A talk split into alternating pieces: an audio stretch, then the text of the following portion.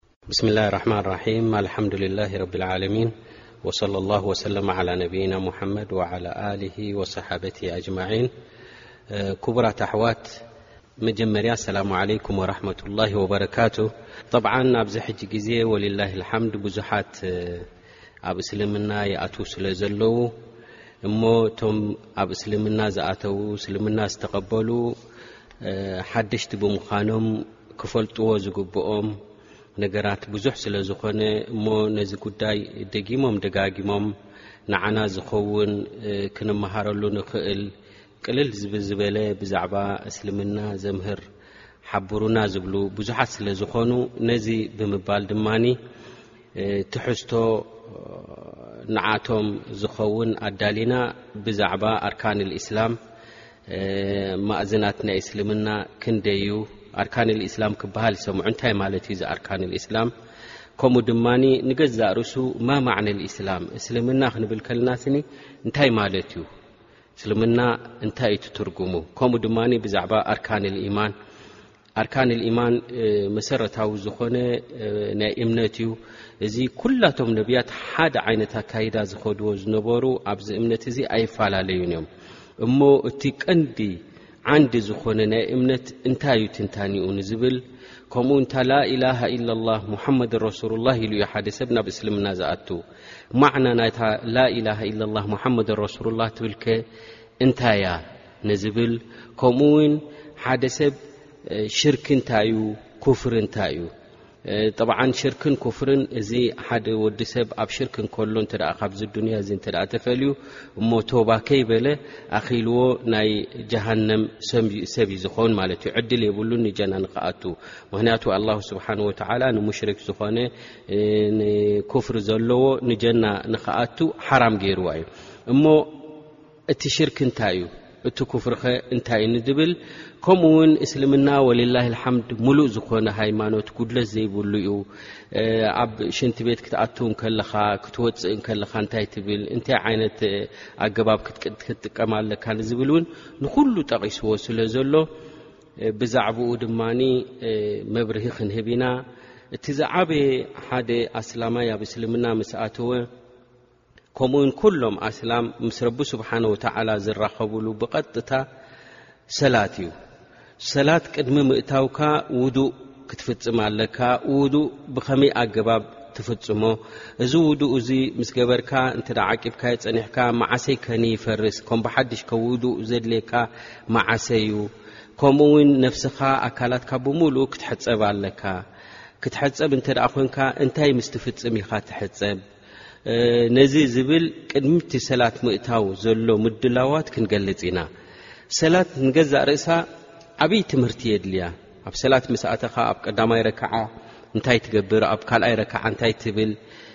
ከምኡ ድማ ኣብ ውሽጢ ሰላት እንታይ እንታይ እዮም ክቕርኡ ዘለዎም እንታይ እዮም ቀንዲ ዓንድታት ዝኾኑ ናይ ሰላት እንተ ካብ ሰላት ገለ ክፍልታት ኣጉዲልካስ እታ ሰላት ዘይቅብልቲ ትኾነሉኸ መዓስ እዩ ንዝብል እውን እዚ ክንገልጽ ኢና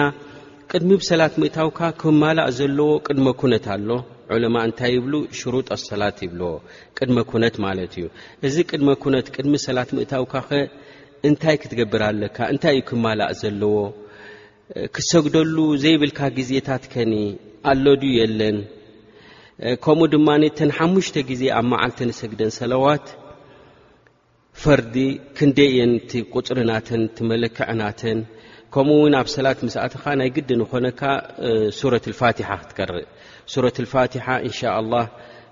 ብፅቡቕ ኣቀራርኣ እናቐራእና ከመይ ትግቡእ ኣቀራርኣናታ ክንርኢ ኢና ኣብ ሰላት ውሽጢ ምስ ኣተኻ ጠብዓን ካብቲ ኣርካን ዝኾነ ሰላት ዓለ ነቢ ትገብር ኢኻ እታ ሰላት ዓለ ነቢ ወይ ኣተሕያቱ ሊላሂ ትብል ንሳ ድማኒ ብዝተኸኣለ ናታ ሕፅር ዝበለ መግለፅን ከምኡ ድማኒ እቲ ኣቃራርኣ ናታ ከመይ ምዃኑ ክንገልፅ ኢና ሕጂ እምበኣር መጀመርያ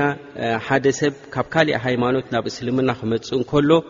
ኣብ እስልምና ክኣት ከሎ ኣስላማይ ኮይኑ ይበሃል ሕራይ እስልምና እንታይ ማለት እዩ ንባዕሉ እቲ እስልምና ዝበሃል ሲ እንታይ እዩ እንተ ኢልና ኣልእስላም ሁወ ልእስትስላሙ ልላሂ ብተውሒድ ማለት እዩ እምበኣረይ እስልምና እንታይ እዩ እንተ ኢልካ እስልምና ማለት ኢድካ ንረቢ ስብሓን ወተዓላ ምሃብ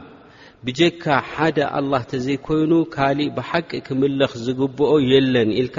እስትስላም ምግባር ኢድካ ምሃብ እዚ እስልምና ዝበሃል ኣልእስላም ሁወ ልእስትስላሙ ልላሂ ብተውሒድ ብጀካ ሓደ ኣላ ብሓቂ ብግቡእ ዕባዳ ዝግብኦ ኣምልኾ ዝግብኦ የለን ማለት እዩ ከምኡ ወልእንቅያዱ ለሁ ብጣዓ እንተ ደኣ ብጀካ ሓደ ኣላ ስኒ ካሊእ ዕባዳ ዝግብኦ የለን ኢልካ ድማ መስኪርካ እምበኣር ሕጂ እንታይ ክትገብር ኣለካ ማለት እዩ ንኣላ ስብሓን ወተዓላ እቲ ትእዛዛት ሂቡና ዘሎ ንኹሉ ሕራይ ኢልካ ክትቅበል ኣለካ ኣብ መዓልቲን ለይትን ሓሙሽተ ግዜ ትሰግድ እንተ ተባሂልና ሕራይ ንብል ማለት እዩ ምክንያቱ ባሮት ናይ ኣላ ስብሓን ወተላ ስለ ዝኮና ኣብ ዓመት ናይ ግድን ሓደ ወርሒ ክፀሙ ኢኹም ተባሂልና ሕራይ ኢልና ንቐበል ማለት እዩ እዚ እዩ እንቅያዱ ለሁ ብጣዓ ዝበሃል ከምኡ ድማ ወልበራኣቱ ምነ ሽርኪ ወኣህልሂ ካብ ሽርኪ ዘብኡ ናብ ሽርኪ ዝወስድ መንገዲ ካብኡ ክትርሕቕ ኣለካ ማለት ኣብ ተውሒድ እንተ ኣቲኻ መሊስካ ንዘይረቢ እተ ትፅውዕ እተ ኮይንካ ንካልኦት እተ ትልምን ኮይንካ ገና ኣብ እስልምና ይኣተኻን ኣለኻ እምበኣረይ ካብቲ ሽርክን ካብ ሽርክ ዝገብሩ ሰባትን ካብኣቶም ክትርሐቕ እዩ ዘለካ ማለት እዩ ወሊሃذ ረቡና ዘ ወጀል ኣብ ሱረት ዕምራን መበል 1ሸ ኣያ እንታይ ኢሉ እነ ዲና ንድ ላه እስላም ዲን ሃይማኖት ኣብ ቅድሚ ረቢ ተቐባልነት ዘለዎ እንታይ እዩ እተ ተባሂሉ እስልምና እዩ ብኸምኡ ድማ ረቡና ዓዘ ወጀል እንታይ ኢሉ ወመን የብተቂ ገይረ ልእስላሚ ዲናን ፈለን ዩቕበላ ምንሁ ብጀካ እስልምና ገዲፉ ካሊእ ሃይማኖታት ሰባት ድመሃዝዎ ወይ ድማኒ እቲ ሃይማኖት መሰረቱ ካብ ረቢ ወሪዱ ነይሩ መሊሶም ቀያይሮም ካሊእ ዓይነት ቅርፂ ዘትሓዝዎ ኣብ ካሊእ ዘድሃበ ናብኡ ዝኽተል ረቢ ስብሓን ወተዓላ ኣይቅበሎን እዩ ኣላ ስብሓን ወተዓላ ዝቕበሎ እንታይ እዩ እንተ ኢልካ ንበይኑ ንብሕቱ ጌርካ ዝምለኽ እቲ ልክዕ ናይ እስልምና ሃይማኖት ንሱ ዩ ረቢ ስብሓን ወተላ ዝቕበሎ ፈለይ ይቕበላ ምንሁ ወሁወ ፊ ልኣክረት ምና ልካሲሪን ካልእ ሃይማኖት ካልእ ዲን እንተኾይኑ ግን ረቢ ስብሓን ወተላ ኣይቅበሎን እዩ እዚ ኣብ ሱረት ልዕምራን መበል 85 ኣያ ኣሎ ማለት እዩ እምበኣር ክቡራት ኣሕዋተይ እንታይ ክድብል ንደሊ ኣንብያ ኩላቶም ሓንቲ ዓይነት እዮም ሒዞም መፂኦም ሓንቲ ዓይነት መንገዲ እዮም መንገዲ ናይ ኣንብያ ኣይፈላለዩን እዩ ኣየና እዩ ዘይፈላለዩ እንተ ኢልካ እቲ ትእምነት እቲ ተውሒድ ኣላህ ስብሓን ወተዓላ ሓደ ምዃኑ ዝገልፅ ካብ ነብላህ ኑሕ ጀሚርካ ክሳብ መጨረሻ ነብይና ሙሓመድ ዓለህ ሰላት ወሰላም ሓንቲ እያ መንገዶም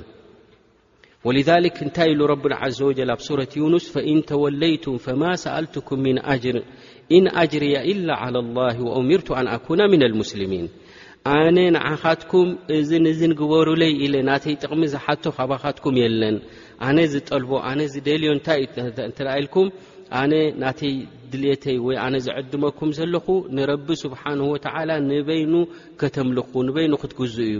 እቲ ኣጅሪ ዝረኽቦ እቲ ጻማ ናተይ ካብ ረቢ ስብሓን ወተዓላ እዩ ኣነ ድማ ተኣዚዘ እየ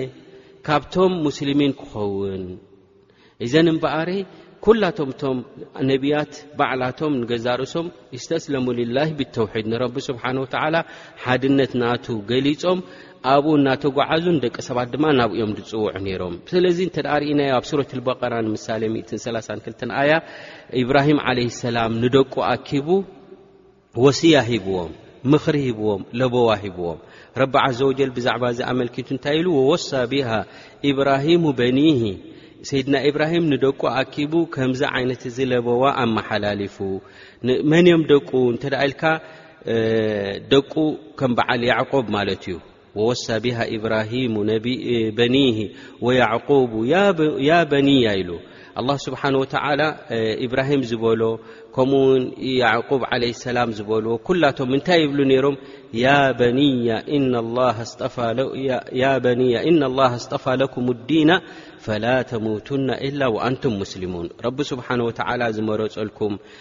ረቢ ስብሓነ ወተዓላ ዝፈትዎን ዝረድዮን ሃይማኖት እስልምና እዩ። ስለዚ መንገድኹም ኣብ እስልምና ይኹን። ካብዚ ዓለም እዚ ክትፍለዩ ከለኹም እውን ኣስላም ኮይንኩም ተፈለዩ ኢሎም ምኽሪ ይህቡ ነይሮም ማለት እዮም። ልዛሊክ ሓታ ሰይድና ዒሳ ቅድሚ ረሱል ዓለ ሰላት ወሰላም ዝነበረ እንታይ ይብል ነይሩ ማለት እዩ ነቶም ምስኡ ዝነበሩ ብዙሕ ዝተፈላለየ መንገድታት ሕጂ ዕድሞም ዳሕራይ ናብ ካሊእ ቁሊሕ ምሊሕ ክብሉ ምስ ጀመሩ ዒሳ ዓለ ሰላም ናታቶም ምጥርጣር ናታቶም ኣካይዳን ደስ ኣይበሎን ማለት እዩ ደሓር ኢልዎም ኣኪቡ ሰይድና ዒሳ ዓለ ሰላም እንታይ ኢልዎም ፈለማ ኣሓሳ ዒሳ ምንሁም ልኩፍራ ቃለ መን ኣንሳሪ ኢላ ላህ ኢልዎም ዒሳ ዓለ ሰላም መን እዮም ናተይ ሓገዝተይ መን እዮም ናተይ ደገፍተይ ዝኾኑ ኢሉ ሓቲትዎም እንታይ ኢሎሞ እቶም ሓዋርይን ቃለ ልሓዋርዩና ናሕኑ ኣንሳሩ ላህ ንሕና እምበኣረይ ደገፍቲ ናትካ ሓገዝቲ ናትካ ረቢ ስብሓን ወተዓላ ዘወረደልካ ትእዛዛት ንዕኡ ንሕዝ ሰባት ኢና ኣመና ብላሂ ወሽሃድ ብኣና ሙስሊሙን ንሕና ብሓደ ኣላ ጎይታ ኸላቂ ሰማይን መሬትን ዝኸለቀ ሓደ ረቢ ምዃኑ ኣሚንና ኣለና ንስኻ እውን መስክረልና ንሕና ድማ ሙስሊሙን ኢና ኢሎሞ ኣስላም ኢና እስልምና ማለት እንታይ ማለት እዩ ኢድካ ንሓደ ኣላ ንሓደ ፈጣሪ ሰማይን መሬትን ዝፈጠረ ንኩሉ ዓለም ዝፈጠረ ብጀካኻ ካሊእ ብሓቂ ዝምለኽ የለን ኢልካ ኢድካ ምሃብ እዚ እቲ እስልምና ማለት እዩ ስለዚ ነቢያት እምበኣረይ ዲን ናቶም ኣካይዳ ናቶም እቲ እምነት ሓደ ዓይነት እዩ ወሊሃذ ነቢ ለ ሰላት ወሰላም ኣብ ርዋየት ልቡኻሪ እንታይ ኢሎም ኣልኣንብያ እኽወቱ ሊዓላት እሙሃትሁም ሸታ ወዲንሁም ዋሕድ ኢሎም ኣንብያ ልክዕ ከምዚ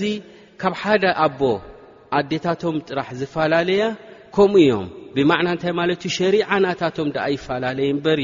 ኣብ ጾም ድዩ ኣብ ሰላት ድዩ ክፈላለየ ይኽእሉ እምበሪ ኣብቲ እምነት ሓንቲ እዮም ደፈላለዩ ነገር የብሎምን ረቢ ስብሓን ወተዓላ ሓደ እዩ ዮም ኣልቅያማ ከም ዘሎ ሚዛን ከም ዘሎ ጀና ከም ዘሎ ጀሃንም ከም ዘሎ እዚ ዮም ዘምህሩ ነይሮም ማለት እዮም ካሊእ ደፈላለ ነገር የብሎምን ኣብ ምንታይ እዮም ዳኣ ድፈላለዩ እንተ ኢልካ ኣብቲ ሸሪዓ ኣብቲ ሕጊ ሓደ ካብ ሓደ ሙምኪን ክፈላለ ይኽእል ማለት እዩ እዘን እንታይ ንርዳእ ማለት እዩ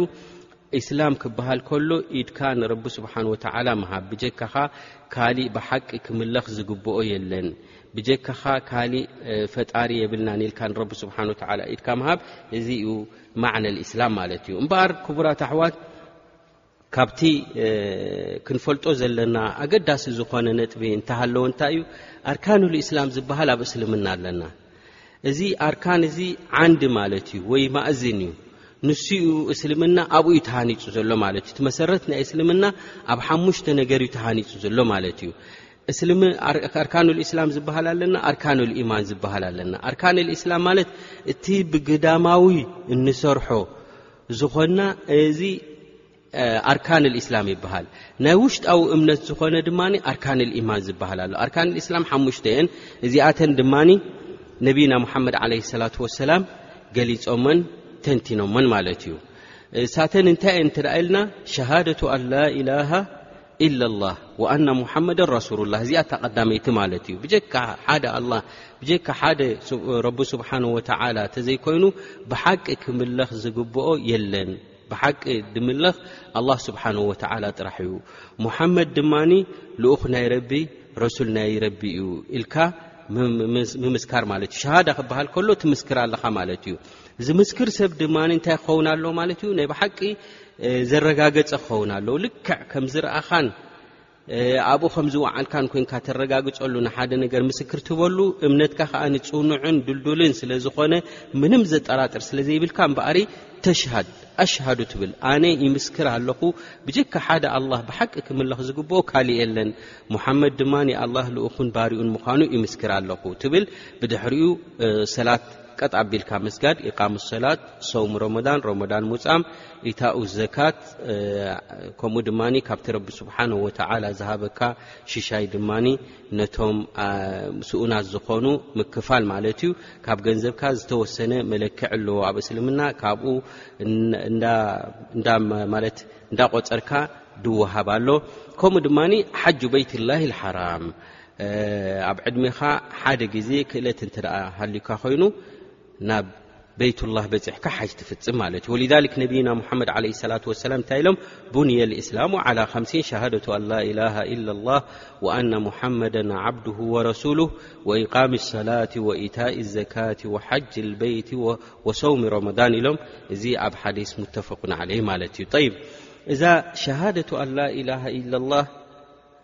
ሙሓመድ ረሱሉላህ ትብል እንታይ ማለት እዩ ትርጉማ? እንታይ እቲ ትሕዝቶ ናታ ማዕና ላኢላሃ ኢላላህ እዚ ማዕና ላኢላሃ ኢላላህ እምበኣሪ ማዕናሁ ኣልእዕትቃድ ወልእቅራር ኣነሁ ላ የስተሒቁ ልዕባዳ ኢላላህ ማለት እዩ ብጀካ ሓደ ኣላህ ተዘይኮይኑ ካሊእ ብሓቂ ዕባዳ ዝግብኦ የለን ኢልካ ልባዊ ዝኾነ እምነት ከምኡ ድማ ብቓላዊ ትምስክረሉ ማለት እዩ እንተ እዚ ላኢላሃ ኢለላ ኢልካ ተልተዝም ብዛሊክ ላስ ካብኡ ኣይትፍንተትን ኢኻ ብጀካ ሓደ ኣላ ክምለኽ ዝግብኦ የለን ኢልካ እተ መስኪርካ ብድሕሪኡ ንእገለ ወይ ድማ ወዲ ረቢ ኣለዎ ወይ ሰለስተ ኦም ኢልካ ኣብ ካእ ዕባዳ ኣብ ካእ ኣምልኾት ኣይትኸይድን ኢኻ ምክንያቱ ሓንሳብ መስኪርካ ኢኻ ብጀክኡ ካእ ብሓቂ ክምለኽ ዝግብኦ የለን ሰማይን መሬትን ዝፈጠረ ንሱ ጥራሕ እዩ ንሱ ድማ ኣምሳያ ዘይብሉ ንዑ ድመስል ዘይብሉ ኣላ ስብሓን ወተዓላ ንዑ ጥራሕ እዩ ዝግብኦ ኢልካ ምስክር ትህብ ወልዓመሉ ብሂ ብኡ ኢኻ ድማ ንክትከይድ ዘለካ ማለት እዩ እዘንታ ላኢላሃ ኢላላ ክንብል እንከለና ዓብይ ትርጉም ደለዋኣ ማለት እዩ ብጀካ ሓደ ኣላህ ተዘይኮይኑ ካሊእ ዝምለኽ የለን ኢልካ ብኩሉ ኣማለኽቲ ዘሎ ብ ዓለም ብዙሓት ኣለዉ ብጌጋ ብዘይ ቅኑዕ ዝምለኹ ንኹላቶም ትነፅግ ኣለኻ ላኢላሃ ትብል ኣለኻ ኢላህ ዝበሃል ኣምላኽ ዝበሃል ኣብዚ ዓለም እዚ የለን ብጀካ ሓደ ኣላህ ትብል ኣለኻ እዘን ንመን ተረጋግፀሉ ኣለኻ ማለት እዩ ንረቢ ስብሓን ወተዓላ ንሓደ ኣላህ ተረጋግፅ ኣለኻ ንካልኦት ላኪን የለን ባጥል እዩ ትኽክል ኣይኮነን ኢልካ ትኽሕድ ኣለኻ ማለት እዩ ብኩሉ ድምለኽ ክሒድካ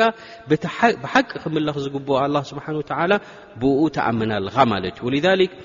ኣላሁ ስብሓን ወተዓላ እንታይ ኢሉ ፈመን የክፍር ብጣጉት ወዩእምን ብላህ ፈቐድ እስተምሰከ ብልዑርወት ልውስቃ እንተ ደኣ ብዅሉ ጣኦታት ብዅሉ ዝምለኹ ኣብ ዓለም ዘለዉ ንዅሉ ክሒድካ በቲ ሓደ ኣላህ ስብሓንሁ ወተዓላ ጥራሕ እንተ ደኣ ኣሚንካ ብኡ እንተ ደኣ ተመሪሕካ ድማ ፈቐድ እስተምሰከ ብልዑርወት ልውስቃ ብታ ተራዝ ዝኾነት ዘይትብተኽ ስሒባ ወይ ንዓ ምስ ሓዝካያ ተኻቢላ ንጀና ተእትወካ ዝኾነት ወህያ ላኢላሃ ኢለላ ተራር ዝኾነት ገመድ ብኣ ሒዙ ኣሎ ይብል ረቢ ስብሓን ወተዓላ እዘን እታ ላኢላሃ ኢላ ላህ ክትብል እንከለኻ እዚኣ እምበኣረይ እታ ዝዓበየት ከሊማ ወይ ድማ እታ ዝዓበየት ላኢላሃ ኢላ ላ ምዃኑ ግልፂ ይኾነልና ማለት እዩ ጠይብ ላኢላሃ ኢላ ላ እንትደኣ ኢልካ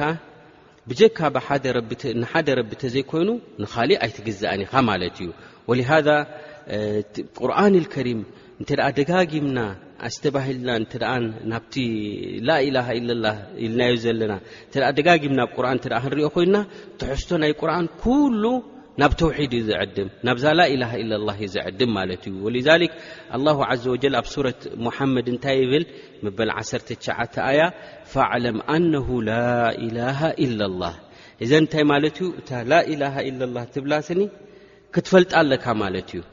ፈሊጥካ ኢኻ ክትብላ ዘለካ ሓደ ሰብ እተ ሱቕ ኢሉ ትርጉም ናታ ደይፈለጣ ላኢላ ላ እተ ኢሉ ትርጉም የብሉን ማለት እዩ እንታይ ደኣ ንኸልዎ ኣለዎ ማለት እዩ ቅድም ክፈልጣ ኣለዎ ፈሊጡ ኣረጋጊጹ ድማ ክብላ ኣለዎ ማለት እዩ ደሓር እንተ ደኣ ነዛ ላኢላሃ ኢላላ እንተ ደኣ ኢልዋ ድማ እንታይ ክህልዎ ኣለዎ ማለት እዩ ዘጠራጥር ነገር ክህልዎ የብሉን ወይ ናይ ብሓቂ ሙሉእ ብምሉእ ዝኾነ ምርግጋጽ ክህልዎ ኣለዎ ወልሊክ ረቡና ዘ ወጀል እንታይ ኢሉ እነማ ልሙእምኑን ለذና ኣመኑ ብላሂ ወረሱሊ ثማ ለም የርታቡ ያዕኒ ናይ ብሓቂ ኣማኒ ዝበሃል ሰብ ብረብን ብረሱሉን ኣሚኑ እዩ ክትብሎ እንተ ኮንካ ሓደ ሰብ በታ ላኢላሃ ኢለላህ ዝበላ ብኣኣ ክጠራጠር የብሉን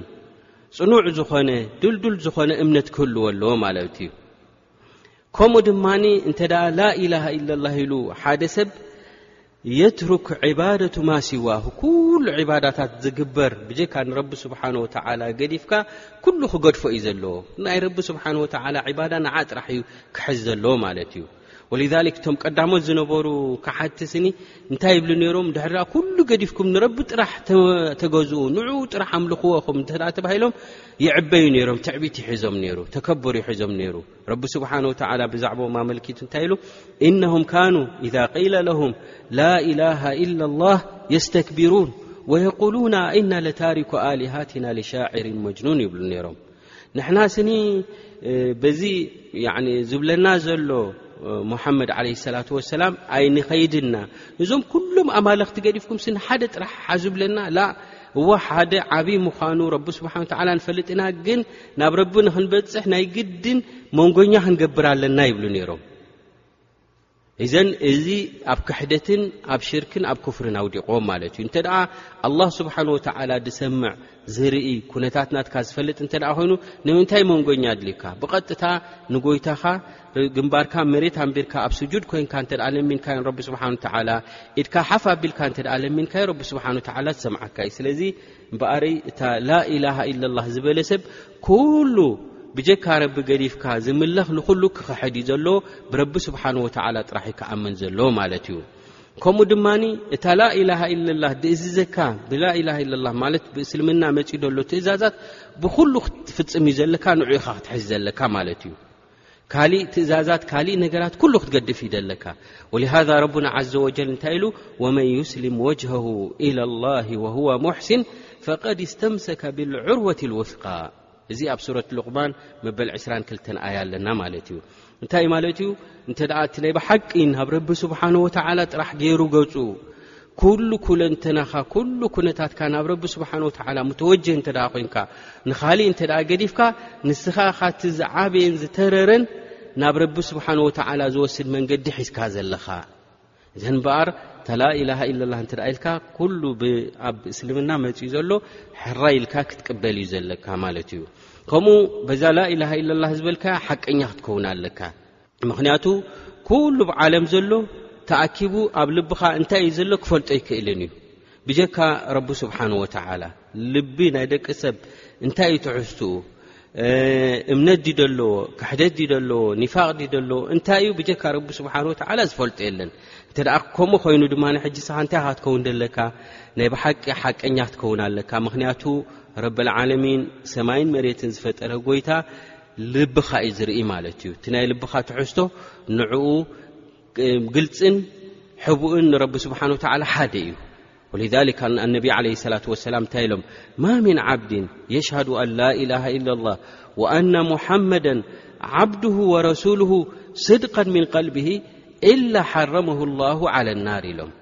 ሹፍ ሕጂ እታ ላኢላሃ ኢለላህ ንክትጠቕመካ እንተ ኮይኑ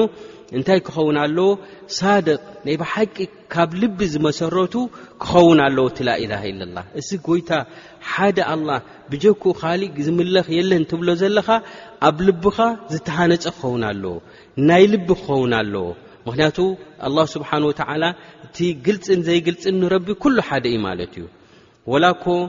ከም ምሳሌ ነቢና ሙሓመድ ዓለይሂ ሰላቱ ወሰላም ዝሃብዎ ሓንቲ ጸላም ጻጸ ኣብ ጸላም ኣብ ጸላ ኣብ ጸላም ለይቲ ኣብ ጸሊም እምኒ ክትጓዓዝ እንከላ ማንም ሰብ ዝርኣ የለን ላኪን ረቢ ስብሓን ወተዓላ ለመምታ ናታ ኣካይዳ ናታ ከይተረፈ ይሰምዖ ማለት እዩ እዘን እምበኣረይ ላኢላሃ ኢላላ ክጠቕመካ እንተ ደኣ ኮይና እንታይ ክኸውን ኣለ ስድቀን ምን ቀልቢሂ ኢሎም ኣነቢ ዓለ ሰላት ወሰላም ኣው ሳዲቀን ምን ቀልቢሂ ካብ ልቡ ዝመሰረቱ ካብ ልብኻ ዝኾነ መሰረት ክህልዎ ኣለዎ እታ ላኢላሃ ኢላላ ትብላ ማለት እዩ ከምኡ እውን እታ ላኢላሃ ኢላላ ክትብል ከለኻ ንዝኾነ ነገር ፈሪሕካ ወይ ሰባት ክሕጎሱልካ ወይ ድማ ገለ ዓለማዊ ጥቕሚ ደሊኻ ይኮንካ ንትብላ እዛ ላኢላሃ ኢላላ ክትብላ ከለኻ ናይ ብሓቂ ካብ ልብ ንገጽ ረቢ ደሊኻ ንገጽ ፈጣሪኻ ደሊኻ ክትብላ ኣለካ ማለት እዩ ወሊሃذ ኣነቢ ዓለ ሰላት ወሰላም እንታይ ኢሎም እና ላሃ قድ ሓረመ ዓላ ናር መን ቃለ ላኢላሃ ኢላ ላህ የብተቂ ብሊከ ወጅሃ ላህ ረቢ ስብሓን ወተዓላ ስኒ ሓዊ ጀሃንም ንኸይትበልዖ ንሓደ ነፍሲ ሓራም ገይርዋ እዩ ኣየነይቲ ነፍሲ እያ እንተ ኢልካ መን ቃለ ላኢላሃ ኢለላ ላኢላሃ ኢለላ ዝበለ የብተቒ ብዛሊካ ወጅሃላ በዛ ላኢላሃ ኢለላ ክብል ከሎ ግን ዓለማዊ ጥቕሚ ደልዩ ዘይኮነ ወይ ዝኾነ ነገር ወይ ዝኾነ ጥቕሚ ርእዩ ዘይኮነ እንታይ ደኣኒ ሳዲቀን ምን ቀልቢሂ ካብ ልቡ ዝመሰረቱ ንረቢ ስብሓን ወተዓላ ደልዩ ዮም ኣልቅያማ ምስ ኮነ ክጥቀመላ በዛ ላኢላሃ ኢላላ ኢሉ እንተ ደኣ ኢልዋ ኮይኑ እዚ ሰብ እዚ ኣላሁ ስብሓን ወተዓላ ነፍሱ ሓዊ ጀሃንም ንኸይትበልዖ ረቢ ስብሓን ወተዓላ ሓራም ገይርዎ ማለት እዩ እዘን እምበኣርየ ሓደ ሰብ ኣብ እስልምና ዝኣቱ እንታይ ይብል ማለት እዩ የሽሃድ ኣን ላኢላሃ ኢላ ላህ ብጀካ ሓደ ኣላህ ብሓቂ ክምለኽ ዝግብኦ የለን ኢሉ ይምስክር ዳሕራይ ከኒ ወኣሽሃዱ ኣና ሙሓመደን ረሱሉ ላህ ይብል ብጀካ ሙሓመድ ድማ ናይ ኣላህ ስብሓን ወተዓላ ልኡኹ ምዃኑ ድማ ይምስክር ኣለኹ ይብል እዘን ድሕር ከምኡ ኮይኑ እንታይ ክብል ደሎ ማለት እዩ ኣልእዕትራፍ ظሂራ ወባጢና ብኣና ሙሓመደ ዓብዱላሂ ወረሱሉ ኢለ ናስ ይካፋ ነብና ሙሓመድ ዓለ ሰላት ወሰላም እዞም ትምስክረሎም ዘለኻ ልኡኽ ን ኣላህ እዮም ኢልካ ትምስክረሎም ዘለኻ እዚኒ እዚኦም መጀመርያ ግዳማውን ውሽጣውን ዝኾነ እምነት ክህልወካ ኣለዎ ኣነቢ ዓለ ሰላት ወሰላም ወይ ሙሓመድ ዓለ ሰላት ወሰላም ናብ ደቂ ሰባት ናብ ብምሉኦም እዮም ተላኢኾም ድኾነ ይኹን ነቢ ክለኣኽ እንከሎ ናብ ዝተወሰነ ህዝቢ እዩ ዝለኣኽ ነይሩ ሙሳ ዓለ ሰላም ናብ ደቂ እስራኤል ተላኢኹ ነይሩ ከምኡ ዒሳ ዓለይ ሰላም ናብ ደቂ እስራኤል ተላኢኹ ነይሩ ላኪን ኣነቢ ዓለ ሰላት ወሰላም ናብ ሙሉእ ደቂ ሰባት ተላኢኾም ወልዓመሉ ብሙቅተዳ ሃህ ሸሃዳ እንተ ላኢላሃ ኢለ ላ ሙሓመድ ረሱሉላ ኢልካ ድማ ሙሓመድ ዓለ ሰላት ወሰላም ንኣላህ ልኡኽ ምዃኖም መስኪርካ በቲ ረሱል ዓለይሂ ሰላቱ ወሰላም ድመጽዎ ብኡ ድማ ክትከይድ ኣለካ ማለት እዩ ጠብዓን ሙሓመድ ክንብል ከልና ዓለይሂ ሰላቱ ወሰላም ህዋ ሙሓመድ እብኒ ዓብድላህ እብኒ ዓብዱልሙጠሊብ እብኒ ሃሽም እዚኦም ልኡኽ ናይ ረቢ ስብሓን ወተዓላ ኣብ መካ ዝተወለዱ ወዲ ዓብዱላህ ወዲ ዓብዱልሙጠሊብ ዝተባሃሉ ዘርኦም ፍሉጥ ድኾኑ ካበይናይ ወለዶ ናበይናይ ይኸይድ እቲ ናቶም ወለዶ እንተ ኢልካ ነቢና ሙሓመድ ዓለ ሰላት ወሰላም ካብ ወለዶ ናይ ሰይድና እስማዒል እዮም ሰይድና እስማዒል ድማ ወዶም ንሰይድና ኢብራሂም እዩ እዘን እቲ ዘርኢ ናቶም ከይዱ ንላዕሊ ካብቶም ብሉፃት ምሩፃት ዝኾኑ ፍቱው ዝኾነ ነቢ ዓለ ሰላም ኢብራሂም ከምኡ ድማ እስማዒል ከምኡ እንዳበለ ካብቶም ያዕኒ ነቢያት ዝነበሩሉ ዘርኢ ካብኦም እዮም ነይሮም ማለት እዮም እዘን ኣነቢ ዓለ ሰላት ወሰላም ህዋ ረሱሉ ላህ ረሱሉ ላህ ማለት ኣርሰለሁ ላሁ ኢለ ልእንስ ወልጅን በሺረን ወነዚራ ኣነቢ ዓለ ሰላት ወሰላም ንምንታይ እዮም ተላኢኾም መፂኦም እንተ ደ ኢልካ ኣላሁ ዘ ወጀል መጀመርያ ንደቂ ሰባትን ንኣጋንንትን ኢሉ ይእኹዎም ንረሱል ዓለ ሰላት ወሰላም ንዅሉ እዮም ተላኢኾም መፂኦም እዎ ብዓይንና ክንሪኦም ዘይንኽእል ኣጋንንቲ ኣለዉ እዚኣቶም ከይተረፉ ብነቢ ሙሓመድ ዓለ ሰላት ወሰላም ክኣምኑ ተግዴተኦም እዩ ደኣመኑ ድማ ብዙሓት ኣለዉ ማለት እዮም ነቢና ሙሓመድ ዓለ ሰላት ወሰላም እንታይ እዩ ትሕዝቶ ናቶም እተ ኢልካ በሺሮም ወነዚራ እዮም ኣበሳሪ ኦም ኣጠንቃቂ እዮም ብምንታይ የበስሩ እንተ ደኣ ንሓደ ኣላ ስብሓን ወተዓላ ንብሕቱ ኣምልኽካዮ ንብሕቱ እተ ተገዚእካዮ ውላድ ኣለዎ ይበልካን ካልኣይ ኣለዎ ይበልካን ሰለስተ እዮም ኣይበልካን ሓደ ኣላ ስብሓን ወተዓላ ኢልካ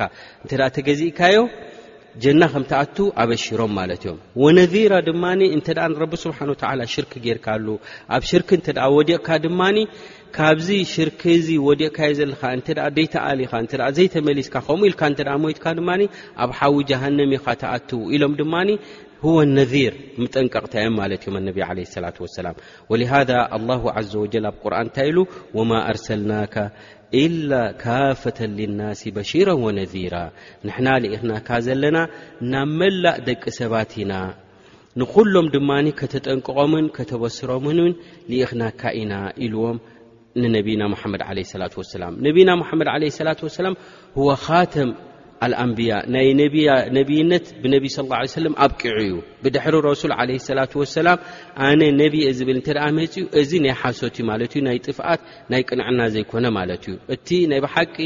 ነቢና ሙሓመድ ዓለ ሰላት ወሰላም ንሶም እዮም መደምደምታ ብድሕሪኦም ነቢ ይኹን ረሱል ይኹን ዝመጽእ የለን ወሊሃذ ኣላሁ ዘ ወጀል ኣብ ሱረት ኣሕዛብ እንታይ ኢሉ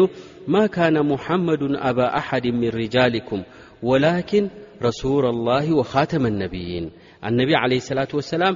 መደምደምታ ናይ ነብያት እዮም ብድሕሪኦም ነቢ ዝበሃል የለን ኩሉ ሃይማኖታት ዝነበረ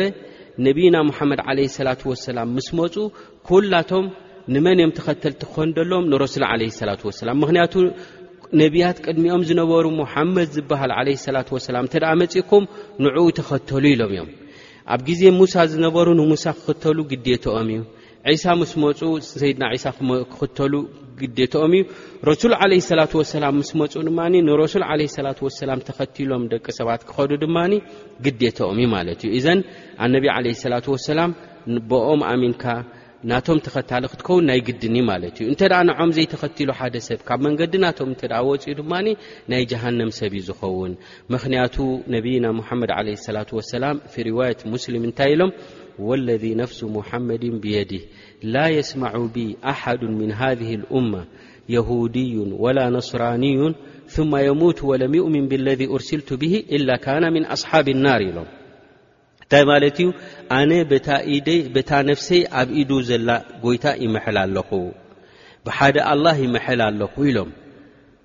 እንታይ እዩ ያረሱሉላህ እንተ ኢልካ ላ የስማዑ ብ ኣሓድ ዝኾነ ይኹን ሰብ እተ ብኣይ ሰሚዑ ሙሓመድ ዝበሃል ኣብ መካ ተወሊዱ ነቢ ነይሩ ቁርን ዝወረዶ እዩ ሰሚዕካ እሞ ከምዚ ዝብል ሰሚዖም እንከለዉ ኣይሁዳዊ ይኹን ክርስትያናዊ ይኹን ብኣይ ሰሚዑ ብኣይ ከይዓመነ እንተ ሞይቱ ኢላ ካነ ምን ኣስሓቢ ናር ካብቶም ናይ ሓዊ ጀሃነም ሰባት እሳት ጀሃንም ትበልዖም ካብኣቶም እዩ ክኸውን ኢሎም ኣነቢ ዓለ ሰላት ወሰላም ምኽንያቱ ኣነቢ ዓለ ሰላት ወሰላም ሒዞሞ ዝመፁ ዓብዪ መልእኽቲ እዩ ንፅባሕ ንግሆ እቲ ዘሸግር ፅንኩር ዝኾነ ፀቢብ ዝኾነ ብጀካ ኣብዚ ዱንያ ከሎ ሓደ ሰብ እቲ ቅኑዕ እምነት እንተ ደይ ሒዝዎ ፅባሕ ንግሆ ዕውት ክኸውን ኣይክእልን እዩ ወላ ተጣዒሰ እየ ደይፈለጥኩ ኮይነ እየ እንተ ኢልካ ኣብቲ ግዜ እቲ ኣይጠቅምን እዩ ማለት እዩ ምክንያቱ ኣብዚ ዓለም እዚ ከለካ ግሉፅ ዝኮነ ብሩህ ዝኮነ መልእክቲ ናይ ረሱል ለ ሰላት ወሰላም እናሰማዕካ ከለካ ክትክተሎም እዩ ዝግባእ ማለት እዩ እዘን እምበኣረይ ሓደ ሰብ የጅብ ጣዓትሁ ፊማ ኣመር ኣነቢ ለ ሰላት ወሰላም ዳኣዘዝዎ ናይ ግድን ክኽተሎም እዩ ደሎ ወተስዲቁሁ ፊማ ኣክበር ነብይና ሙሓመድ ዓለ ሰላት ወሰላም ኩነታት ድነገሩና ኩሉ ብኡ ክትኣምን እዩ ዘለካ ነቢ ዓለ ሰላት ወሰላም እንታይ እዩ ዝኸውን ኣብ የውም ኣልቅያማ ከምኡ ድማ ደቂ ሰባት እንታይ እዩ ዘጋጥሞም ኣብቲ ናይ መጨረሻ ዓለም ኩሉ ነገራት ነቢ ዓለ ሰላት ወሰላም ናይ ዘሎን ናይ ድመፅእን ብኣላ ስብሓን ወተዓላ ተደጊፎም ካብ ኣላ ስብሓን ወተዓላ ዝወረዶም መልእኽቲ ኣመሓላሊፎም እዮም ኢዘን እንታይ ክኸውን ኣሎ ማለት እዩ ተስዲቁሁ ፊማ ኣኽበር በቲ ኣነቢ ዓለ ሰላት ወሰላም ድኣዘዝዎ ብእኡ ክንኣምን ኣለና ማለት እዩ እንተ ሓደ ሰብ ኣማኒ እንተ ዘይኮኑ በቲ ናይ ረሱል ዓለ ሰላት ወሰላም እዚ ኣደዳ ናይ ጀሃንም እዩ ዝኸውን ማለት እዩ ከምኡ ውን ኣነቢ ዓለ ሰላት ወሰላም ዝኸልከልዎ ነገራት ኩሉ ክትክልከል እዩ ዘለካ ዒባዳ ክትገብር እንተ ኮንካ ክትግዛእ እንተ ኮንካ ንኣላ ስብሓን ወተዓላ እውን ብመንገዲ ናይ ሙሓመድ ዓለ ሰላት ወሰላም ብኡ ኢኻ ክትግዛእ ዘለካ ማለት እዩ ብኡ ኢኻ ንረቢ ስብሓን ወተዓላ ክትምልኾ ዘለካ ወልሊክ ኣላሁ ዘ ወጀል ኣብ ሱረት ልሓሽር እንታይ ኢሉ ወማ ኣታኩም ረሱሉ ፈኹዙ ወማ ነሃኩም ዓንሁ ፈንተሁ እቲ ነቢ ዓለ ሰላት ወሰላም ሒዞሞ ድመፁ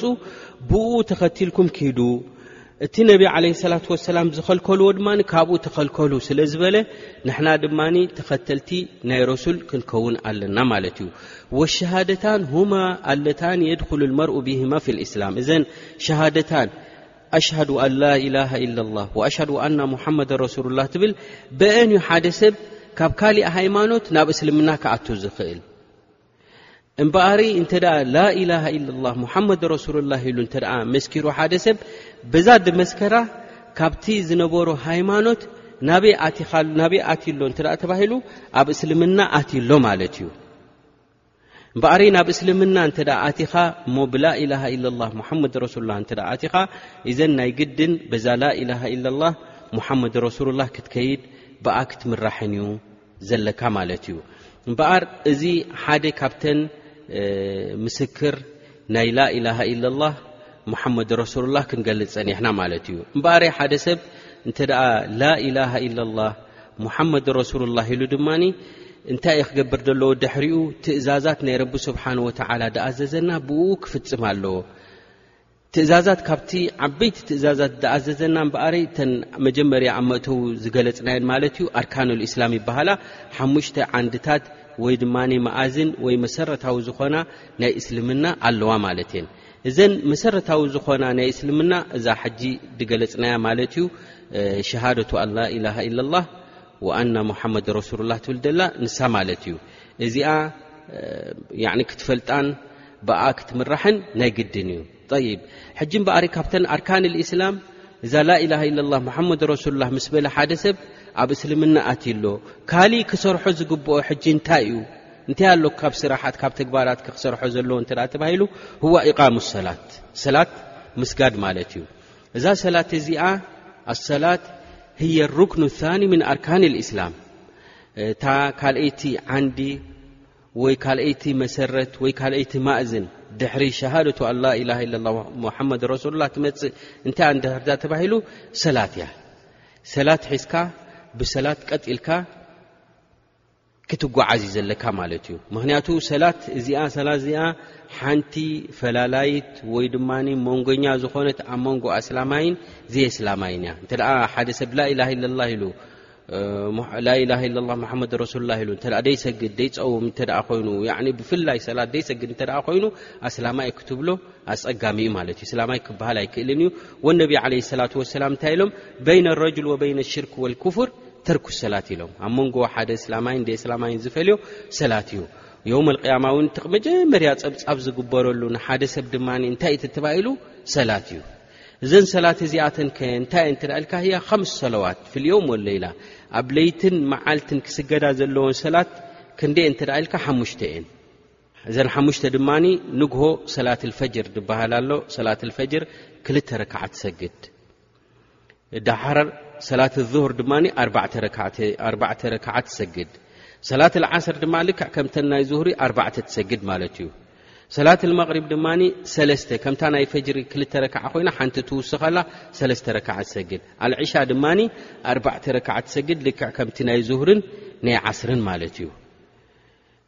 ወሊዛሊክ እዛ ሰላት እዚኣ ዓንዲ ናይ እስልምናኣ ሰላት ክሰግድ ግዴታ ስለ ዝኾነ እምበኣሪ ሰላተይ ብቑዕ ንክኸውን ሰላተይ ቅቡል ንክኸውን እንታይ እንታይ ከማልእ ኣለኒ ዝብል ነዚ ከዓ ብዝያዳ ክንፈልጦ ኣለና ማለት እዩ ሰላት ቅብልቲ ኣይትኸውንን እያ ኢላ ሓደ ሰብ ብጠሃራ ክኣትዋ ኣለዎ ሙሉእ ዝኾነ ንፅህና ኣማሊኡ ክኣትዋ ኣለዎ ወልሊከ ነቢ ዓለ ሰላት ወሰላም እንታይ ኢሎም ላ የቕበሉ ላሁ ሰላተን ኢላ ብጡሁር ኢሎም ኣላ ስብሓን ወተዓላ ሰላት ናይ ሓደ ሰብ ኣይቅበለሉን እዩ ሰላትካ ቅብልቲ ክትከውን እንተ ደኣ ኮይና ናይ ግድን ጠሃራ ዘማላእካ ክትከውን ኣለካ ንፅህና ሙሉእ ብምሉእ ክህልወካ ኣሎ ማለት እዩ ጠሃራ ክበሃል ከሎ ኢዛለቱ ነጃሳ ማለት እዩ ነጃሳ ዝበሃል ወይ እቲ ንሰውነትካ ወይ ንክዳንካ ወይ ድማ ብትሰግደሉ ቦታ ዘሎ ካብኡ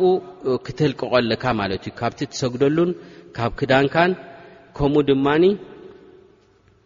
ካብ ኣካላትካ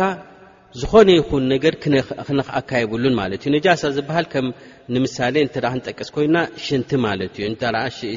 ሽንቲ ናይ ወዲ ሰብ ነጃሳ እዩ ክጥንቀቕ ኣለካ ኣብ ሽንቲ ቤት ውን ኣቲኻ ክሸይን ከለኻ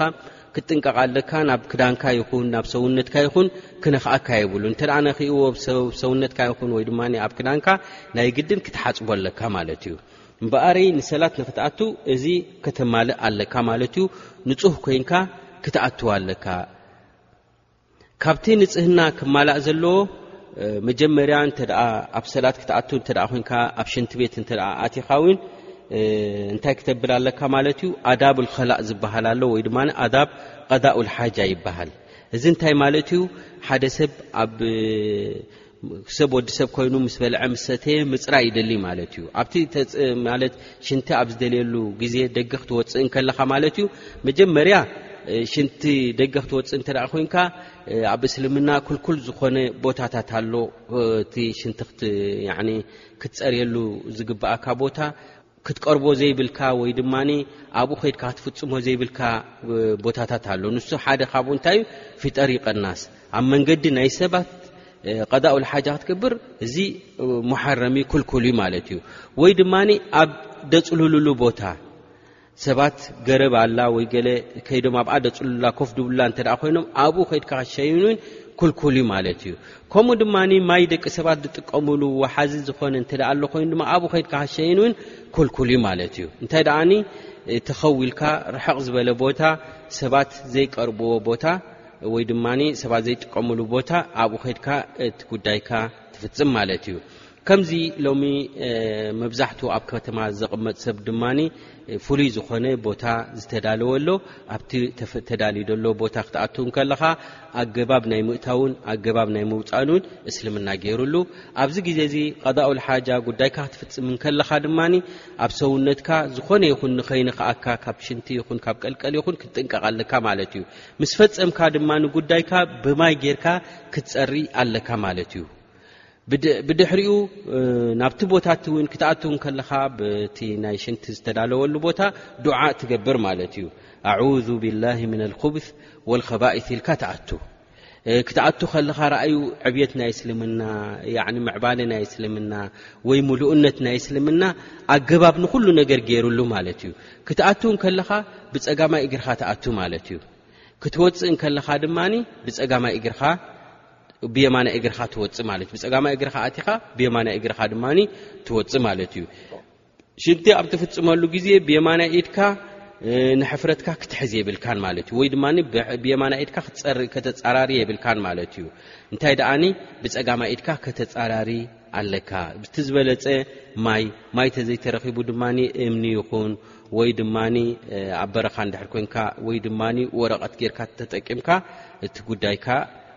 ትፍፅም ማለት እዩ እዚ ምስ ፈፀምካ ብድሕሪኡ እንታይ ከድልየካ እዩ ማለት እዩ ውዱእ ትገብር ሕጂ ርኢኻ እዚ ኩሉ እዚ ቅድሚ ኩነት እዚ ነካይዶ ዘለና ንምንታይ እዩ ነዛ ሰላት እዚኣ ንክትኣት ሰላት ዓባይ ደረጃ ዓብይ ቦታ ከም ዘለዋ በዚ ብሩህ ይኾነልና ማለት እዩ እምበኣሪ ከይፍየት ውዱእ ውዱእ እንተ ክትገብር እንተ ኮይንካ ወህዋ ቀስል ኣዕዳ ኣልውዱእ ቢልማ ኣለዋ ፍሉያት ቦታ ኣላ ስብሓን ወተዓላ ክንሓፅበን ዳኣዘዘና ንዐአን ተሓፅበን ማለት እዩ ተሓፂብካ ፀሪኻ ነፅህካ ድማ ተኣት ኣገባብ ናይ ውዱእ ከመይ እንተ ኢልና መጀመርያ ንፁህ ዝኾነ ማይ ፅሩይ ዝኾነ ማይ ተዳሉ ብድሕሪኡ ኣብ ኢድካ ኣብ ኢድካ ኣብ ኣናፍሰስካ ብስሚላህ ኢልካ ትጅምር ማለት እዩ መጀመርያ ክትሕፀቦ ዘለካ ኣይና ኢቲ ተባሂሉ ጉንቦ ኢድካ ሰለስተ ግዜ ትሕፀብ ሰለስተ ግዜ ጉንቦ ኢድካ እንተ ተሓፂብካ ምፀረኻ ብድሕሪኡ ኣፍካ ብማይ ጌርካ ትጎዝጎዞ ኣፍካ ጎዝግዝካ ብድሕሪኡን ኣፍንጫኻ ድማ ማይ ቁርብ ብፍንጫኻ እናሰሓብካ ድማ ደገ እንዳውፃእካ ድማ ተፅርዮ ማለት እዩ ብየማናይ ኢድካ ማይ ኣእትዋ እናበልካ ብጸጋማይ ኢድካ ፊጥ እንዳበልካ ድማ ትጸሪ ማለት እዩ እዚ እስትንሻቅ ወልእስትንታር ይብልዎ ዑለማ ማለት እዮም ደሓር ገጽካ ብምሉኡ ካብ ጉንዲ እዝንኻ የማናይ ጉንዲ እዝንኻ ክሳብ ፀጋማይ ጉንዲ እዝንኻ ደሎ ካብ ላዕሊ ፀጉርኻ ዝበቕለሉ ክሳብ መንከስካ ደሎ ድማ ብምሉኡ ድማ ሰለስተ ግዜ ተሓፅቦ ነዚ ምስ ተሓጸብካ ገጽካ መሊስካ ኢድካ ብየማናይ ኢድካ ትጅምር የማናይ ኢድካ ድማ ካብ ኣጻብዕትኻ ጀሚርካ ክሳብ ኩርናዕ ኢድካ ዘሎ ድማ ሰለስተ ግዜ ኣጽሪኻ ትሓጽቦ ብድሕሪኡ ድማ ጸጋማይ ኢድካ ልክዕ ከምዚ የማናይ ኢድካ ሓጸብካዮ ድማ ትሓጽቦ ብድሕሪኡ የዳውካ ማያ ጥልቂ ኣቢልካ ርእስኻ ብምሉኡ ትደርዞ ምስ እዝንኻ ሓደ ግዜ ማለት እዩ ብድሕሪኡ የማናይ እግርኻ ክሳብ ዓንካር ዓንካሪትካ ዘሎ ብማይ ጌርካ ድማ ትሓፅቦ ቅድም የማናይ ኢድካ እግርኻ ዳሕራይ ድማ ፀጋማይ እግርኻ ትሕፀብ ከምዚ ጌርካ ድማ እቲ ውዱእ ትፍፅም ማለት እዩ ካብዚ ሙሉእ ዝኾነ ብቂዕካ ኣለኻ ማለት እዩ ናብ ስላት ንክትኣትው ሰላትካ ድማ ትጅምር ማለት እዩ ጠብዓን ቅድሚ ምስጋድካ ኣብ ሰላት ቅድሚ ምእታውካ ምናልባሽ እዚ ውድኡ እዚ ፈፂምካ ከለኻ ከም ብሓድሽ ሽንቲ እንተ ደሊኻ ወይ ድማ ስጋግመል እውን እተ በሊዕካ ወይ እውን ድቃስ ወሲዱካ ኣፀቢቕካ እተ ደቂስካ ወይ እውን ረቢ ንኩላትና ካብ ሕማም የንፅሃና እንተ ሓሚምካ እስከ ሓንጎልካ ዘይፍለጠካ ደረጃ እተ በፅሕካ ነርካ ከም ፅላሊ ዓይነት እተ መፅኡካ ነይሩ ካብ ሓንጎልካ ሓንጎልካ ብ ተሸፊኑሉ እተ ፀኒሕካ ኮይንካ ከም ብሓድሽ እዘን ዝጠቐስናየን እተ ኣጋጢሙካ ከም ብሓድሽ ድማ ውዱእ ትገብር ማለት እዩ ኣየናይ ውዱእ ማለት እዩ ክሳብ ግንቦ ኢድካን ከምኡ ድማ ክሳብ ዓንካር ስጋብ ብርኪ ኢድካ ደሎን ድማ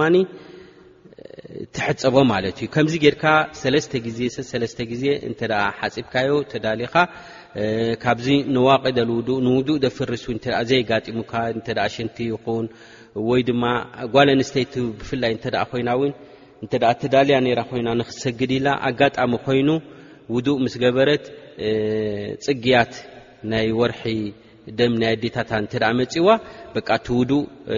ይፈርስ ኣሎ ማለት እዩ ክሳብ እዚ ፅግያት እዚ ዝፀርየላ እውን ሰላት ትኸልከል ማለት እዩ ክትሰግድ ክትፀውም እውን ኣይትግደድን እያ ማለት እዩ ካብ ሰላትን ካብ ስያምን ጠጠው ትብል ጓል ኣንስተይቲ መዓስ እያ ደይትሰግድ እንተ ተባሂሉ እንተ ፅግያት ኣለዋ ኮይኑ ናይ ኣዴታታ ደም እተ ኣለዋ ኮይኑ ከምኡ ድማ ሓራስ እንተ ኮይና ምስ ሓረሰት እቲ ደም ክሳብ ድነቕፀላ ካብ ሰላት ትቑጠብ ማለት እዩ ከይሰገደት ትጸንሕ ካብ ሰላትን ጾምን ኣብዚ ግዜ እዚ ትቁጠብ ማለት እዩ ጾም እንተ ደኣ ኮይኑ ምስ ነጽሀት ኣብ ካሊእ መዓልቲ ትትክኦ ማለት እዩ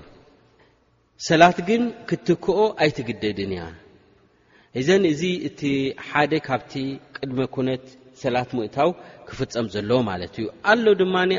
ሓንሳብ ሓንሳብ እውን ንክትሕፀብ ግዴታ غሱል ድበሃል ናይ ግድን ነፍስኻ ብምሉኡ ክትሕፀበሉ ዝግብእካ ግዜ እውን ኣሎ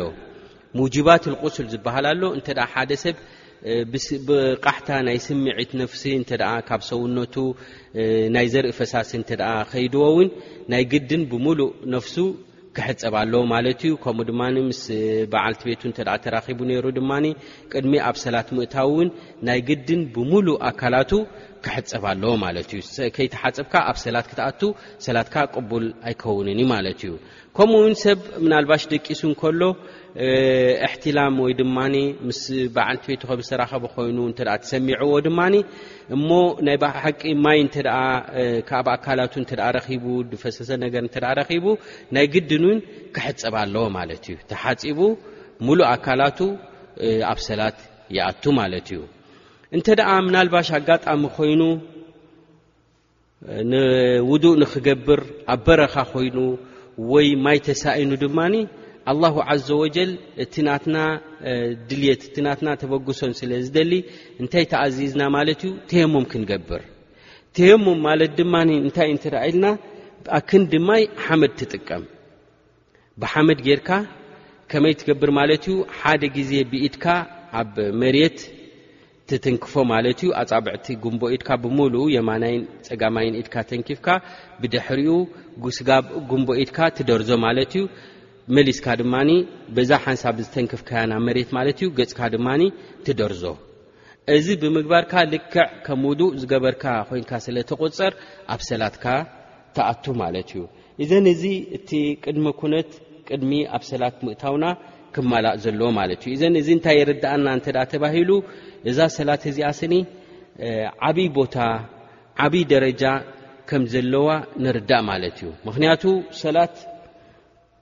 ቅድሚ ምእታውካ እዚ ኩሉ እዚ ንጽህናን እዚ ኩሉ እዚ ክትዳሎ እንከለኻ እንታይ ይረዳእና ኣሎ እዛ ሰላት እዚኣ ዓብይ ደረጃን ዓብይ ብልጸትን ከም ዘለዋ ኣብ እስልምና ይረዳእና ማለት እዩ ኣሎ ሽሩጥ ሰላት ዝበሃል ሓደ ሰብ እንተ ደኣ ሰላት እንተ ደኣ ክሰግድ እንተ ደኣ ኮይኑ ከምዚ ዝበልናዮ እዚ ጠሃራ እዚ ክማላእ ኣለዎ ቅድመ ኩነት ማለት እዩ ሰላት ቅድሚ ምእታውካ ከምኡ ድማ እቲ ሰላትካ ቅቡል ንክኸውንን ሓደ ሰብ ዓቃል ክኸውን ኣለዎ ማለት እዩ ምስ ሓንጎሉ ክህልዎ ኣለዎ እተ ደኣ ከም ገለ ሓንጎሉ ተሸፊኑ ኣሎ ኮይኑ ሰላት ንክሰግድ እውን ኣይግደድን እዩ ማለት እዩ ሰላት ንክሰግድ እውን ካብቲ ቅድሞ ኩነት ክማላ ዘለዎ ግዜ ክኣክል ኣለዎ ሰላት ኣዙሁር ንምሳሌ ወቕቱ ውሱን እዩ ሰላት ኣዙሁር ከይኣኸለ እንከሎ ክሰግድ የብልካን ኣነ ህዉኽ ስለ ዝኾንኩ ደሓን ሰዓት ዓሰርተ ሓደ እንከሎ ሰዓት ዓሰርተ እንከሎ ኣቐዲመ ክሰግድ እየ እንተ ኢልካ ሰላትካ ቅቡል ኣይከውንን እዩ ናይ ግድን ሰላትካ ቅቡል ንክኸውን እቲ ወቕቱ ክኣክል ኣለዎ ሰላት ዙሁር ወቕቱ እኹል ዝኾነሉ ዝተወሰነ ኣብ ሸሪዓ ዝመፀ ገደብ ወይ ድማ መለክዕቲ ገይሩሉ ኣሎ እዚ ዓይነት እዚ ግዚኡ ምስ ኣኸለ ኢኻ ሰላትካ ክትሰግድ ዘለካ። ሰላት ኣልፈጅር፣ ሰላት ኣዙሁር፣ ኣልመግሪብ፣ ኣልዕሻእ እዚኢታት ውሱን ዝኾነ ግዜ ስለ ድሎ ኣብቲ ግዚኡ ክትሰግድ ኣለካ። ከምኡ እውን ሓደ ሰብ እንተ ደኣ ሰጋዳይ ኮይኑ እስትቕባል ኣልቅብላ ናብ ቅብላ ገጹ ክውጃህ ኣለዎ። ናብ ቅብላ ገጹ ኮይኑ ክሰግድ ኣለዎ። እሳ እታ ቅብላ ድማ እንታይ እያ እንተ ደኣ ተባሂላ ድማ ካዕባኣ ናብ ካዕባ ገጹ ክሰግድ ኣለዎ። እንተ ደኣ ካብ ካዕባ ናብ ካሊእ ተኣልዩ ይሰግድ ኣሎ ኮይኑ እታ ሰላት ብቕዕቲ ክትከውን ኣይትኽእልን እያ ስለዚ ናይ ግድን ናብ ካዕባ ገጽካ ክሰግድ ኣለካ ኩላትና ኣብ ዓለም ዘሎዎ ሙስሊሚን ናበይ ይሰግዱ እንተ ተባሂሎም ናብ ካዕባ ኢና ንሰግድ ማለት እዩ ኣንፈትና ናብ ሓደ ኣንፈት ጌርና ኢና ንሰግድ ኣላ ስብሓን ወተላ ስለ ደኣዘዘና ከምኡ ውን ሓደ ሰጋዳይ ክሰግድ እንተ ደኣ ኮይኑ ሙሉእ ኣካላቱ ተሸፊኑ ክሰግድ ኣለዎ ማለት ወዲ ተባዕታይ እንተ ኮይኑ ክሳብ ብርኩ ክሽፍን ኣለዎ ክልተ መንኮቡ እውን ከምዚ ብራቴለ ዝኾነ ዓይነት ዘለዎ ክዳን እውን ክክደን የብሉ እንታይ ደኣኒ ክሳብ ቅልፅም ናይ ኢዱ ዘሎ እውን ሽፍን ድበለ ዝሽፍኖ ነገር ክህልዋ ኣለዎ ማለት እዩ ሰበይቲ ተኮይና ጓል ኣንስተይቲ ተኮይና ብምሉኡ ኣካላታ ተሸፊና ክትሰግድ ኣለዋ ዓዳ ወጅሁሃ ገጻ ጥራሕ ደኣ እምበሪ ብምሉእ ኣካላታ ወይ ክልተ ጉንቦ ኢዳን ገጻ እንተዘይኮይኑ ካሊእ ብምሉኡ ተሸፊና ክትሰግድ ኣለዋ ማለት እዩ እዚ ቅድመ ኩነት ኣብ ቅድሚ ሰላት ምእታውካ ክማላእ ዘለዎ እዩ ከምኡ ውን ኣብ ሰላት ክትኣትው ከለኻ ናይ ግድን ንያ የድልካ ማለት ሓደ ሰብ ዝሁሪ ድዩ ዝሰግድ ዘሎ ዓስሪ ድዩ መቕሪብ ድዩ ኣልዕሻ ድዩ ብንያ ገይሩ ክፈልየ ኣለዎ እቲ ዕባድኡ ማለት እዩ ጠብዓ ንያ ክበሃል እንከሎ ኣበይ ቦትኡ እንተ ተባሂሉ ኣብ ልቢ እዩ ንያ ማለት ኣብ ልቢ እዩ ሰፈሩ ብልብኻ እንታይ ዓይነት ሰላት ትሰግድ ኣለኻ ዙህሪ ኣርባዕተ ረክዓ ምዃኑ መቕሪብ ሰለስተ ረክዓ ምዃኑ ዓስሪ ምዃኑ መሪብ ኣልዕሻ ምዃኑ እዚ ፈሊኻ ብልብኻ እዛ ሕጂ ዝሰግዳ ዘለኹ ዙህሪ እያ እዛ ሕጂ ዝሰግዳ ዘለኹ ዓስሪ እያ ዝብል ፈሊኻ ክትሰግድ ኣለካ ማለት እዩ እዚ ቅድሚ እቲ ናብ ሰላት ምእታውካ ክማላእ ዘለዎ ማለት እዩ ብድሕሪኡ ናብ ቅብላ ገጽካ ምስ ኮንካ ኩሉ እዚ ክንጠቕሶ ዝጸናሕና ምስ ኣማላእካ ኣላሁ ኣክበር ኢልካ ኢድካ ክሳብ ጉንቦ እዝንኻ ወይ ድማ መንኮብካ ኣብጽሕካ ኣላሁ ኣክበር ኢልካ ሰላትካ ትጅምር ማለት እዩ ኣብ ሰላት ምስ ኣተኻ ሩኩን ዝኾነ ግዴታ ዝኾነ ክፍጸም ዘለዎ እንታይ እዩ እንተ ኢልካ ክእለት እንተ ኣልዩካ ኮይኑ ሕማም ዘይብልካ እንተ ኮይኑ ጠጠው ኢልካ ኢኻ ክሰግድ ዘለካ ማለት እዩ ጠጠው ኢልካ ናብ ካዕባ ገጽካ ምስ ገበርካ ብድሕሪኡ ኢድካ ሓፍ ኣቢልካ ተክቢራ ትገብር ማለት እዩ ድሓር ኣብዚ ግዜ እዚ ቀዳማይ ማለት እቲ ሩኩን ዝኾነ ዓንድ ዝኾነ ክርሳዕ ዘይብሉ እንተሃለወ እንታይ እዩ ሱረት ልፋትሓ ክትቀርእ ኣለካ ሱረት ልፋትሓ እንተ ዘይቀሪኡ ሓደ ሰብ ሰላቱ ቀበልቲ ክትከውን ኣይትኽእልን እያ እሞ እዛ ሱረት ልፋትሓ ከመይ እዩ ትቃራርኣ ደንበኛ ዝኾነ ከመይ ገይረ ክቀርኣየ ንዝብል ኣብቲ ናይ መጨረሻ ትሕዝቶና ኣብኡ እንዳደጋገምና ክንቀርኣ ስለ ዝኾንና ተኸታተልዋ ኹም ማለት እዩ ሱረት ልፋትሓ ሓንቲ ካብተን ዓንድታት ናይ ሰላት እያ። ሱረት ልፋትሓ እንተ ደይቀሪኡ እውን ሓደ ሰብ ሰላቱ ቅብልቲ ክትከውን ኣይትኽእልን እያ። ከምኡ ሓደ ሰብ ሱረት ልፋትሓ ምስ ቀርአ ብድሕሪኡ ኣላሁ ኣክበር ኢሉ እንታይ ክሕዝ ኣለዎ ማለት እዩ ብርኩ ሒዙ ስብሓነ ረቢ ዓዚም ይብል ከምኡ ድማ ሰሚዓ ላሁ ሊመን ሓሚዳ ኢሉ ድማ ጠጠው ይብል እዚ ሕጂ ንጠቕሶ ዘለና እዚ ሩኩን እዩ ኣርካን ናይ ሰላት እዩ ምክንያቱ እንተ ከምዚ ኢልካ ብርኩዕ ሙሉእ ዝኾነ ካብ ርኩዕ እ ዘይተመሊስካ ኣብኡ ከለኻ ኣላ ኣክበር ኢልካ ንምሳሌ ኣብ ስጁድ እተ ወሪዱ ሓደ ሰብ ሰላቱ ብቕዕቲ ክትከውን እያ ጠጠው ኢሉ ቅድም ኣላ ኣክበር ኢሉ ጉንቦ ኢዱ ናብ ቅብላ ተን ጻዕዳ ጉንቦ ኢዱ ናብ ቅብላ ገጹ ገይሩ ኣላሁ ኣክበር ይብል ብድሕሪኡ ሱረት ልፋትሓ ይቐርእ ወይ ድማ ንሱራ ድማ ምሳ ይውስኸላ ዳሕራይ ርኩዕ እገብር ካብ ርኩዕ ድማ ይምለስ ከምኡ ድማ ምስ ተመለሰ ጠጠው ክብል ኣለዎ ምክንያቱ ርጊ ኢልካ ካ ክሰግድ ዘለካ ዳሕራይ ድማ ስጁድ ትገብር ኣብ ስጁድ ድማ ሸውዓተ ክፍሊ ኣካላትካ እውን ክትንክፍ ኣለዎ ኣብ ስጁድ ምስ በጻሕካ እሰን ድማ ግንባርካ ከምኡ ድማ ኣፍንጫኻ ኣብ መሬት ክትንክፋ ኣለዎ ኣብ ስጁድ ማለት እዩ ከምኡ ድማ ክልተ ጉንቦ ኢድካ ከምኡ ድማ ክልተ ብርክኻ ክልተ ጫፍ ናይ እግርኻ እዚኤን ኣብ መሬት ክትንክፋ ኣለዎን ብፍላይ ኣብ ስጁድ ክትከውን ከለኻ ማለት እዩ ዳሕራይ ኣላሁ ኣክበር ኢልካ ድማ ኮፍ ትብል ፀጋማይ እግርኻ ዕፅፍ ኣቢልካ ኣብታ ፀጋመይቲ እግርኻ ኮፍ ኢልካ ታይማነይቲ እግርኻ ድማ ትኽል ኣቢልካ ኮፍ ትብል ማለት እዩ እዚ ሓደ ካብቲ ርኩን ዝኾነ ኢና ንጠቅስ ዘለና ከምኡ ድማ ኣብቲ መጨረሻ ብፍላይ ክኸውን ከሎ ሰላት ዓለ ነቢ ኣተሕያቱ ላ ሰለዋት ምስ በልካ ዳሕራይ ኣብቲ ናይ መጨረሻ ሰላት ዓለ ነቢ ኣላሁመ ሰሊ ዓላ ሙሓመድ ወዓላ ኣሊ ሙሓመድ ከማ ሰለይቲ ዓላ ኢብራሂም ዝብል እዚ እውን ትሕዝቱ ኣብቲ መጨረሻ ናይ ዚ ካሴት እዚ ክንገልጾ ስለ ዝኾንና ብደጋጊምና ክንቀርኦ ስለ ዝኾንና ነቶም ሓደሽቲ ዝኾኑ ኣስላም ኣሕዋትና ብፍላይ ምእንቲ ኣጸቢቖም ክሓፍዝዎ እንዳደጋገምና ክንቀርኦ ኢና ማለት እዩ እምበኣርይ ሰላት ከምዚ ዓይነት እዚ ኣገባብ ኣለዋ እታ ሰላት እቲኣ ብከምዚ ዓይነት ኣገባብ እንተ ሰጊድካያ ኸ ተቐባልነት ክህልዋ ዝኽእል ማለት እዩ ጠብዓ ሰላት ሕጂ ክንጠቕሶ ዝፀናሕና እቲ ኣርካን ዝኾነ ዓንዲ ዓንዲ ናይ ሰላት ኢና ክንጠቅስ ፀኒሕና እንተኾነ ግን ሓደ ሰብ ኣላሁ ኣክበር ምስ በለ መጀመርያ እንታይ እዩ ክገብር ደሎ እስትፍታሕ ክገብር ኣለዎ እንታይ ማለት እዩ እስትፍታሕ ሱና እዚ እንተ ጌርካዮ ብዙሕ ኣጅር ትረኽበሉ ስብሓነከ ላሁማ ወብሓምድከ ወተባረከ ስሙከ ወተዓላ ጀዱክ ወላ ኢላሃ ገይሩክ ትብል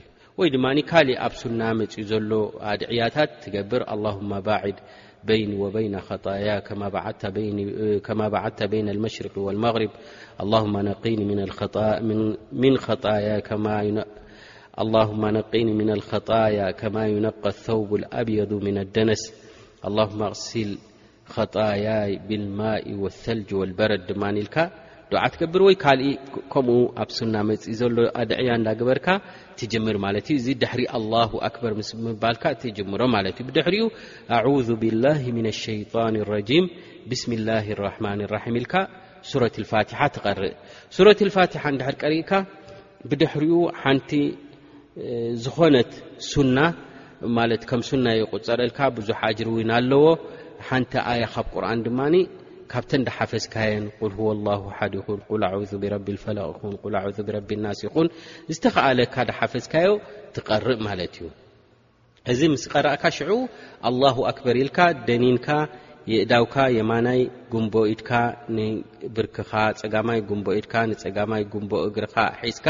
ርኩዕ ትገብር ማለት እዩ ኣብዚ ርኩዕ እዚ ክትገብር ከለኻ ህድእ ኢልካ ስብሓነ ረቢ ዓም ስብሓነ ረቢ ዓም ስብሓነ ረቢ ዓም ትብል ሰለስተ ግዜ ሓንቲ ግዜ እውን እተ ኢልካ እኸልቲኣ እንተኾነ ግን ርግእ ኢልካ ምእንቲ ክሰግድ ሰለስተ ግዜ ወይ ሓሙሽተ ግዜ ወይ ሸውዓተ ግዜ እንዳ ደጋገምካ ትብላ ኩለማ ኣብ ሰላት ነዊሕ ጸኒሕካ ውን ኣብ ስጁድ ይኹን ኣብ ርኩዕ ይኹን ዝያዳ ኣጅሪን ኢኻ ትኸስብ ዘለኻ ማለት እዩ ከምኡ ውን ሰሚዓ ላሁ ሊመን ሓሚዳ ኢልካ ድማ ካብቲ ርኩዕ ዘለኻዮ ትትስእ ክትስእ እንከለኻ ድማ የእዳውካ ጉንቦ ኢድካ ክሳብ ጥቓ እዝነኻ ወይ ክሳብ ጥቓ መንኮብካ ሓፍ ብምባል ሰሚዐ ኣላሁ ሊመን ሓሚዳ ትብል ጠጠው ምስ በልካ ድማ ረበና ወለከ ልሓምድ ትብል እንተ ሓምደን ከራ طይበ ሙባረከን ፊ ሚልኡ ሰማዋት ወሚልኡ ኣርድ ወሚልኡ ማሽእተ ምን ሸይ ባዕድ እተ ወሲካ ኣሉ ውን ዝበለፀ እዘን ሰሚ ላሁ ሊመን ሓሚዳ እናበልካ ትትስእ ካብቲ ርኩዕ ማለት እዩ ደው ምስ በልካ ድማ ረበና ወለከ ልሓምድ ትብል ብድሕሪኡ ኣላሁ ኣክበር ኢልካ ድማ ናብ ስጁድ ትኸይድ ናብ ምስጋድ ብሸውዓተ ክፍሊ ኣካላትካ ክትሰግድ ኣለካ ዝበልናየን ክልተ ጉንቦ ኢድካን ክልተ ጫፍ ብርክኻን ግንባርካን ክልተ ኣጻብዕቲ እግርኻን ኣብ መሬት ተንኪፍካ ድማ ስብሓነ ረቢ ኣላ ስብሓነ ረቢ ኣላ ስብሓነ ረቢ ኣላ ኢልካ ድማ እዚ ዚክሪ እዚ ድማ ትገብር ማለት እዩ ብድሕሪኡ ኣላሁ ኣክበር ኢልካ ኮፍ ትብል ከምቲ ዓንተወይ ዝጠቐስናያ ኣብ ፀጋመይቲ እግርኻ ኮፍ ኢልካ የማነይቲ እግርኻ ተኺልካ ኮፍ ኢልካ ኣላሁማ ኣቕፊርሊ ወርሓምኒ ወዓፊኒ ዋህዲኒ ወርዙቕኒ ትብል ማለት እዩ ብድሕሪኡ ድማ ካልኣይቲ ግዜ ድማ ስጁድ ትገብር ካልኣይ ግዜ ድማ ግንባርካ ኣብ መሬታ ውሪድካ ድማ ስጁድ ትገብር እምበኣሪ ከምዚ ኣላ ኢልካ ምስ ወዳእካ ኣላሁ ኣክበር ኢልካ ሽዑ ትትስእ እዚ ሕጂ ምስ ተሳእካ መሊስካ ልክዕ ከምታ ክንገልጻ ዝጸናሕና ኣገባብ ጌርካ ድማ ሰላትካ ትሰግድ ማለት እዩ ሕጂ እዛ ተስእናያ ዘለና ደው ኢልና ዘለና ልክዕ ሓንቲ ረክዓ ሰጊድና ኣለና ማለት እዩ ብድሕሪኡ ካልኣይ ረክዓ እውን ከምኣ ንውስኸላ እንተ ከም ሰላት ልፈጅር እንተ ኮይኑ ኣብዚ ግዜ እዚ እንታይ ንገብር ማለት እዩ ኮፍ ኢልና